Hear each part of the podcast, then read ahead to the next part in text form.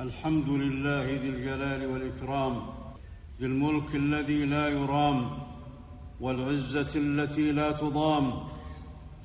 أحمد ربي وأشكره وأتوب إليه وأستغفره وأشهد أن لا إله إلا الله وحده لا شريك له القدوس السلام. وأشهد أن نبينا وسيدنا محمدا عبده ورسوله. المبعوث بالهدى ودين الحق فمحى الله به الشرك والظلام. اللهم صل وسلم وبارك على عبدك ورسولك محمد وعلى آله وصحبه الكرام. أما بعد فاتقوا الله تعالى اتقوا الله تعالى بالتقرب إليه بما شرع ومجانبة المحرمات والبدع. فقد أفلح من استقام على الصراط المستقيم وفاز بجنات النعيم. أيها الناس حاسبوا أنفسكم قبل الحساب لتكثر حسناتكم وتقل سيئاتكم. وأنتم وأنتم في فسحة من الأجل وتمكن من العمل.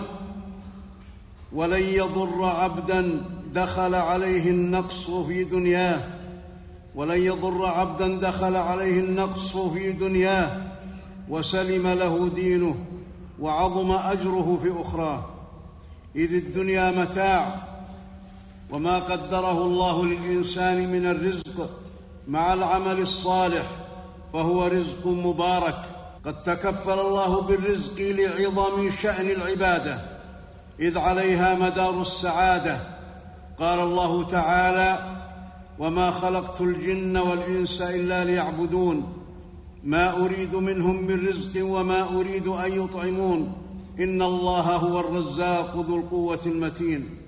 وفعل الاسباب المباحه لاكتساب الرزق الحلال مما شرعه الإسلام. ولكن ولكن ربنا الرحمن الرحيم الحكيم العليم ذا المجد والكرم وهاب النعم أرشدنا إلى أن يكون أرشدنا إلى أن يكون هم المسلم الأعظم هو الأعمال الصالحات التي يرحمه الله بها ويدخله الجنة وينجيه من النار. قال الله تعالى والله يدعو إلى دار السلام والله يدعو إلى دار السلام ويهدي من يشاء إلى صراط مستقيم. وقال تعالى والله يدعو إلى الجنة والمغفرة بإذنه. وقال تبارك وتعالى فمن زحزح عن النار وأدخل الجنة فقد فاز. وما الحياة الدنيا إلا متاع الغرور. وكان وكان من دعاء نبينا صلى الله عليه وسلم فيما روى ابن عمر اللهم لا تجعل مصيبتنا في ديننا ولا تجعل الدنيا أكبر همنا ولا مبلغ علمنا رواه الترمذي وقال حديث حسن. وفي الحديث وفي الحديث من أصبح والآخرة همه من أصبح والآخرة همه جمع الله شمله وجعل غناه في قلبه وأتته الدنيا وهي راغمة. ومن أصبح والدنيا همه شتت الله شمله وأشف ومن أصبح والدنيا همه شتت الله شمله وأفشى ضيعته وجعل فقره بين عينيه ولم يأته من الدنيا إلا ما كتب له. وقد وصف الله لنا في كتابه. قد وصف الله لنا في كتابه. نعيم الجنات بما لا مزيد عليه في كتب الله المتقدمة. ووصف لنا رسولنا صلى الله عليه وسلم ذلك النعيم المقيم بما لم يصفه نبي قبله. وكذلك وصف النار وعذابها. وكذلك وصف النار وعذابها الأبدي. كأن الجنة والنار رأي العين ليتسابق المتسابقون ولينزجر عن المعاصي الغافلون الجاهلون. وبين الله سبحانه لنا الأعمال التي تدخل الجنات. وبينها رسول الله صلى الله عليه وسلم اجمالا وتفصيلا.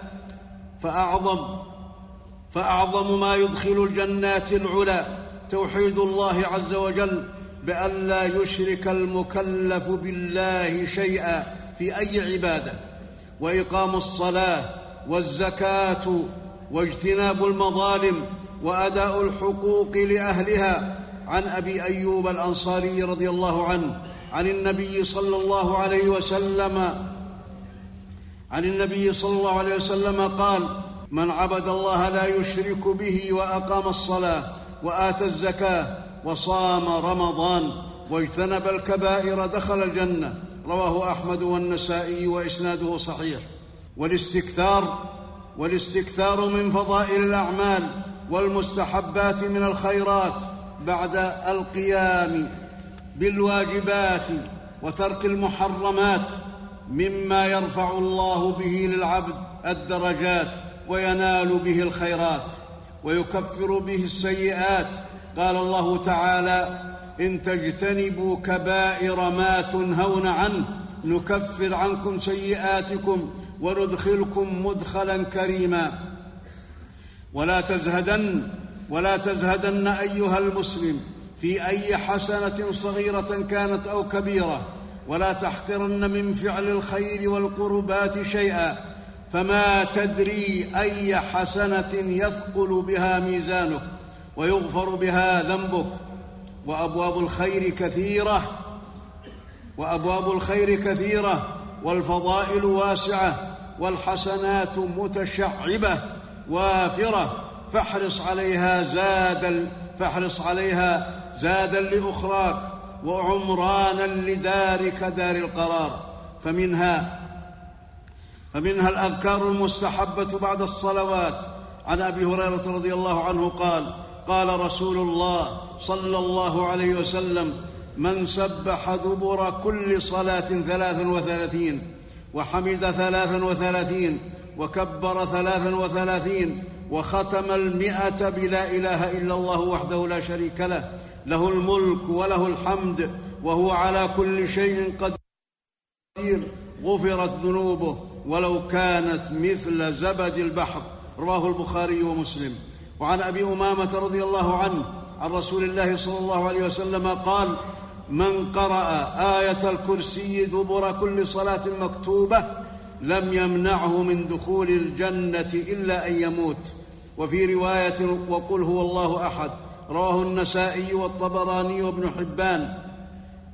والأذكار والأذكار في الصلوات والأذكار في الصلاة وبعدها مباركة المنافع فالمسلم يحرص ويتعلم. فالمسلم يحرص ويتعلم ويعمل. والله قد ضمن له أعظم الأجر. ومما رغب فيه الله ورسوله التطوع. ومما رغب الله فيه ورسوله التطوع بجنس الفرائض والواجبات. فإن العبد إذا حاسبه الله على الفرائض والواجبات ووجد فيها النقص. قال الله تعالى انظروا هل لعبدي من تطوع تكملون به الفريضة؟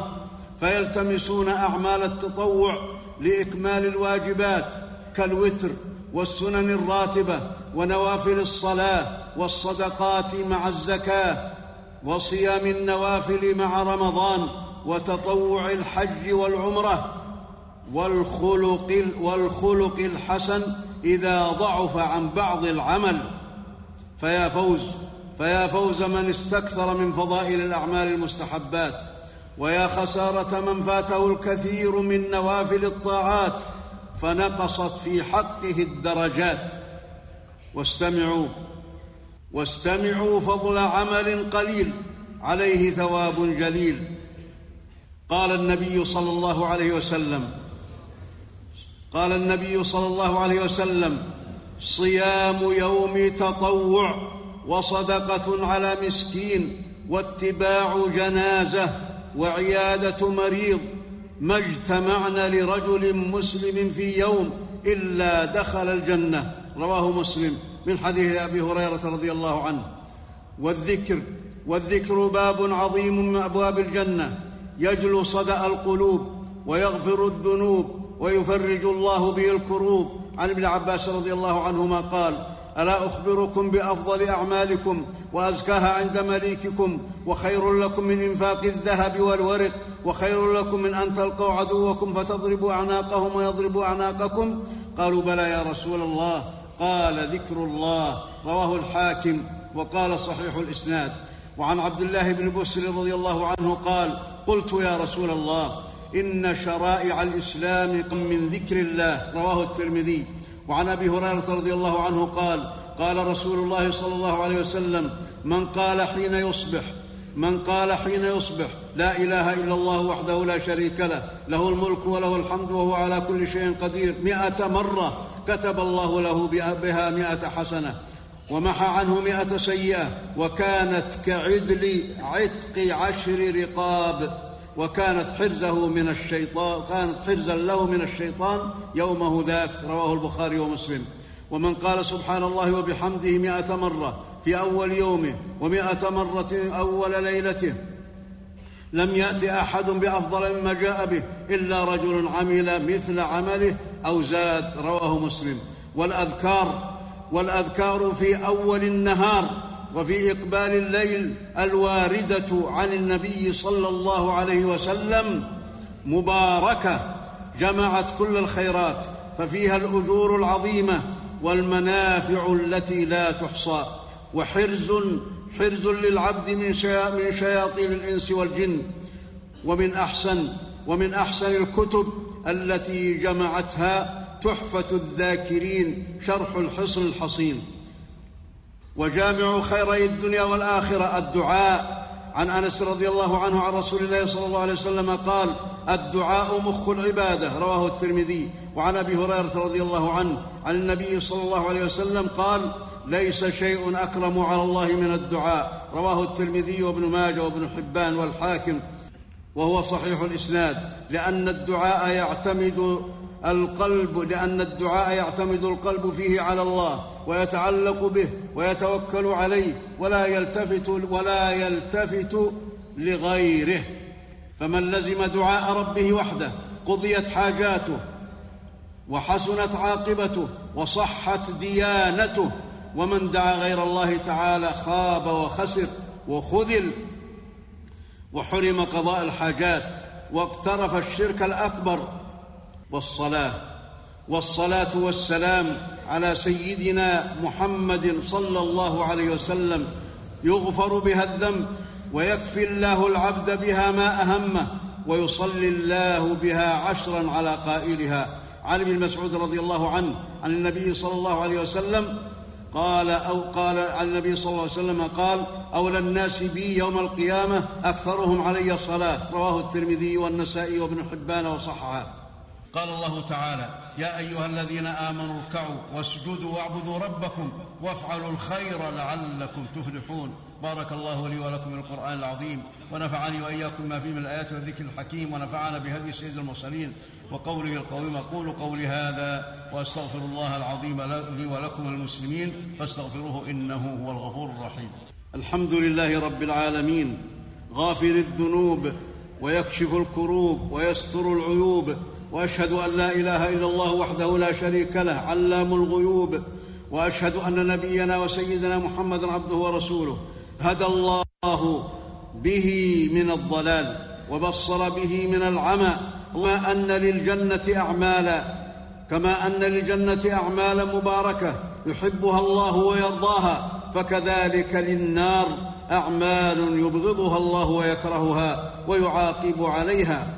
وأكبر الأعمال وأكبر الأعمال الموج أكبر الأعمال الموجبة للنار أنواع الشرك الأكبر وترك الصلاة ثم الكبائر. قال الله تعالى عن أهل النار ما سلككم في سقر قالوا لم نك من المصلين ولم نك نطعم المسكين وكنا نخوض مع الخائضين وكنا نكذب بيوم الدين حتى أتانا اليقين.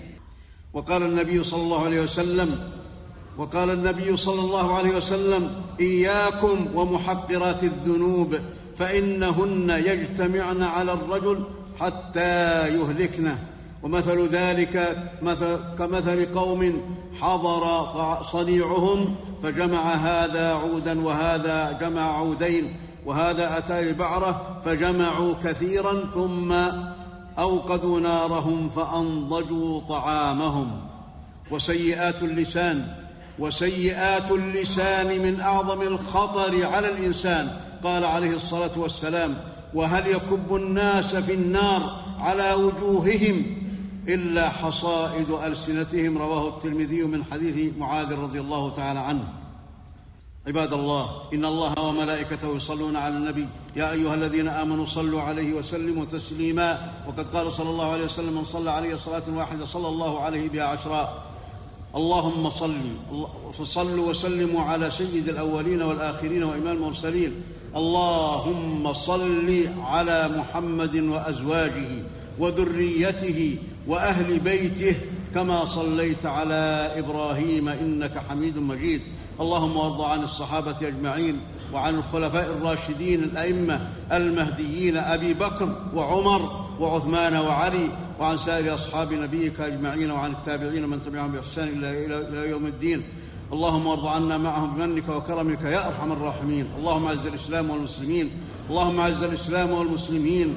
اللهم أذل الكفر والكافرين. اللهم دمر أعداءك أعداء الدين يا رب العالمين. إنك على كل شيء قدير. اللهم أصلح لنا شأننا كله. يا حي يا قيوم برحمتك نستغيث. أصلح لنا شأننا كله. اللهم اغفر لنا ما قدمنا اللهم انصر دينك وكتابك. اللهم أبطل كيد أعداء الإسلام يا رب العالمين. اللهم أبطل مخططات أعداء الإسلام التي يكيدون بها للإسلام والمسلمين. إنك على كل شيء قدير. اللهم انصر المسلمين في الشام. اللهم ارفع ما بهم من البلاء اللهم اكشف ما بهم من الضر اللهم اكشف ما نزل بهم من الأهواء والشدائد يا رب العالمين. إنك أنت رحمن الدنيا والآخرة. اللهم أنزل بأسك اللهم أنزل بأسك على من ظلمهم وعلى من اضطهدهم وعلى من تسلط عليهم بغير حق يا رب العالمين. اللهم عليك اللهم عليك بمن آذى المسلمين في الشام.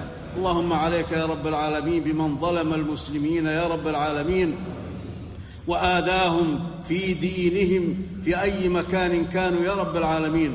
اكف المسلمين شر الأشرار. اللهم يا ذا الجلال والإكرام. اللهم إنا نسألك أن تغيثنا. اللهم أغثنا. اللهم أغثنا غيثا مغيثا هنيئا مريئا. اللهم سقيا رحمة لا سقيا عذاب ولا هدم ولا غرق. يا أرحم الراحمين. إن بالبلاد والعباد من اللأواء والشدة ما لا يكشفه غيرك فأنزل علينا الغيث يا رب العالمين. اللهم آمنا في أوطاننا واصلح اللهم ولاة أمورنا. اللهم وفق ولي أمرنا خادم الحرمين الشريفين لما تحب وترضى. الإسلام والمسلمين وانصر به الإسلام والمسلمين إنك على كل شيء قدير. اللهم وفق نائبه ولي عهده لما تحب وترضى. ولما فيه نصرة الإسلام والمسلمين يا رب العالمين.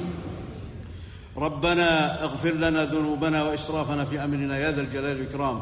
ربنا آتنا في الدنيا حسنة وفي الآخرة حسنة وقنا عذاب النار. عباد الله إن الله يأمر بالعدل والإحسان وإيتاء ذي القربى وينهى عن الفحشاء والمنكر والبغي يعظكم لعلكم تذكرون. اللهم اغفر للمسلمين الميتين يا رب العالمين. اللهم اغفر للمسلمين والمسلمات الأحياء منهم والأموات. إنك على كل شيء قدير. فاذكروا الله العظيم الجليل يذكركم واشكروه على نعمه يزدكم ولذكر الله أكبر والله يعلم ما تصنعون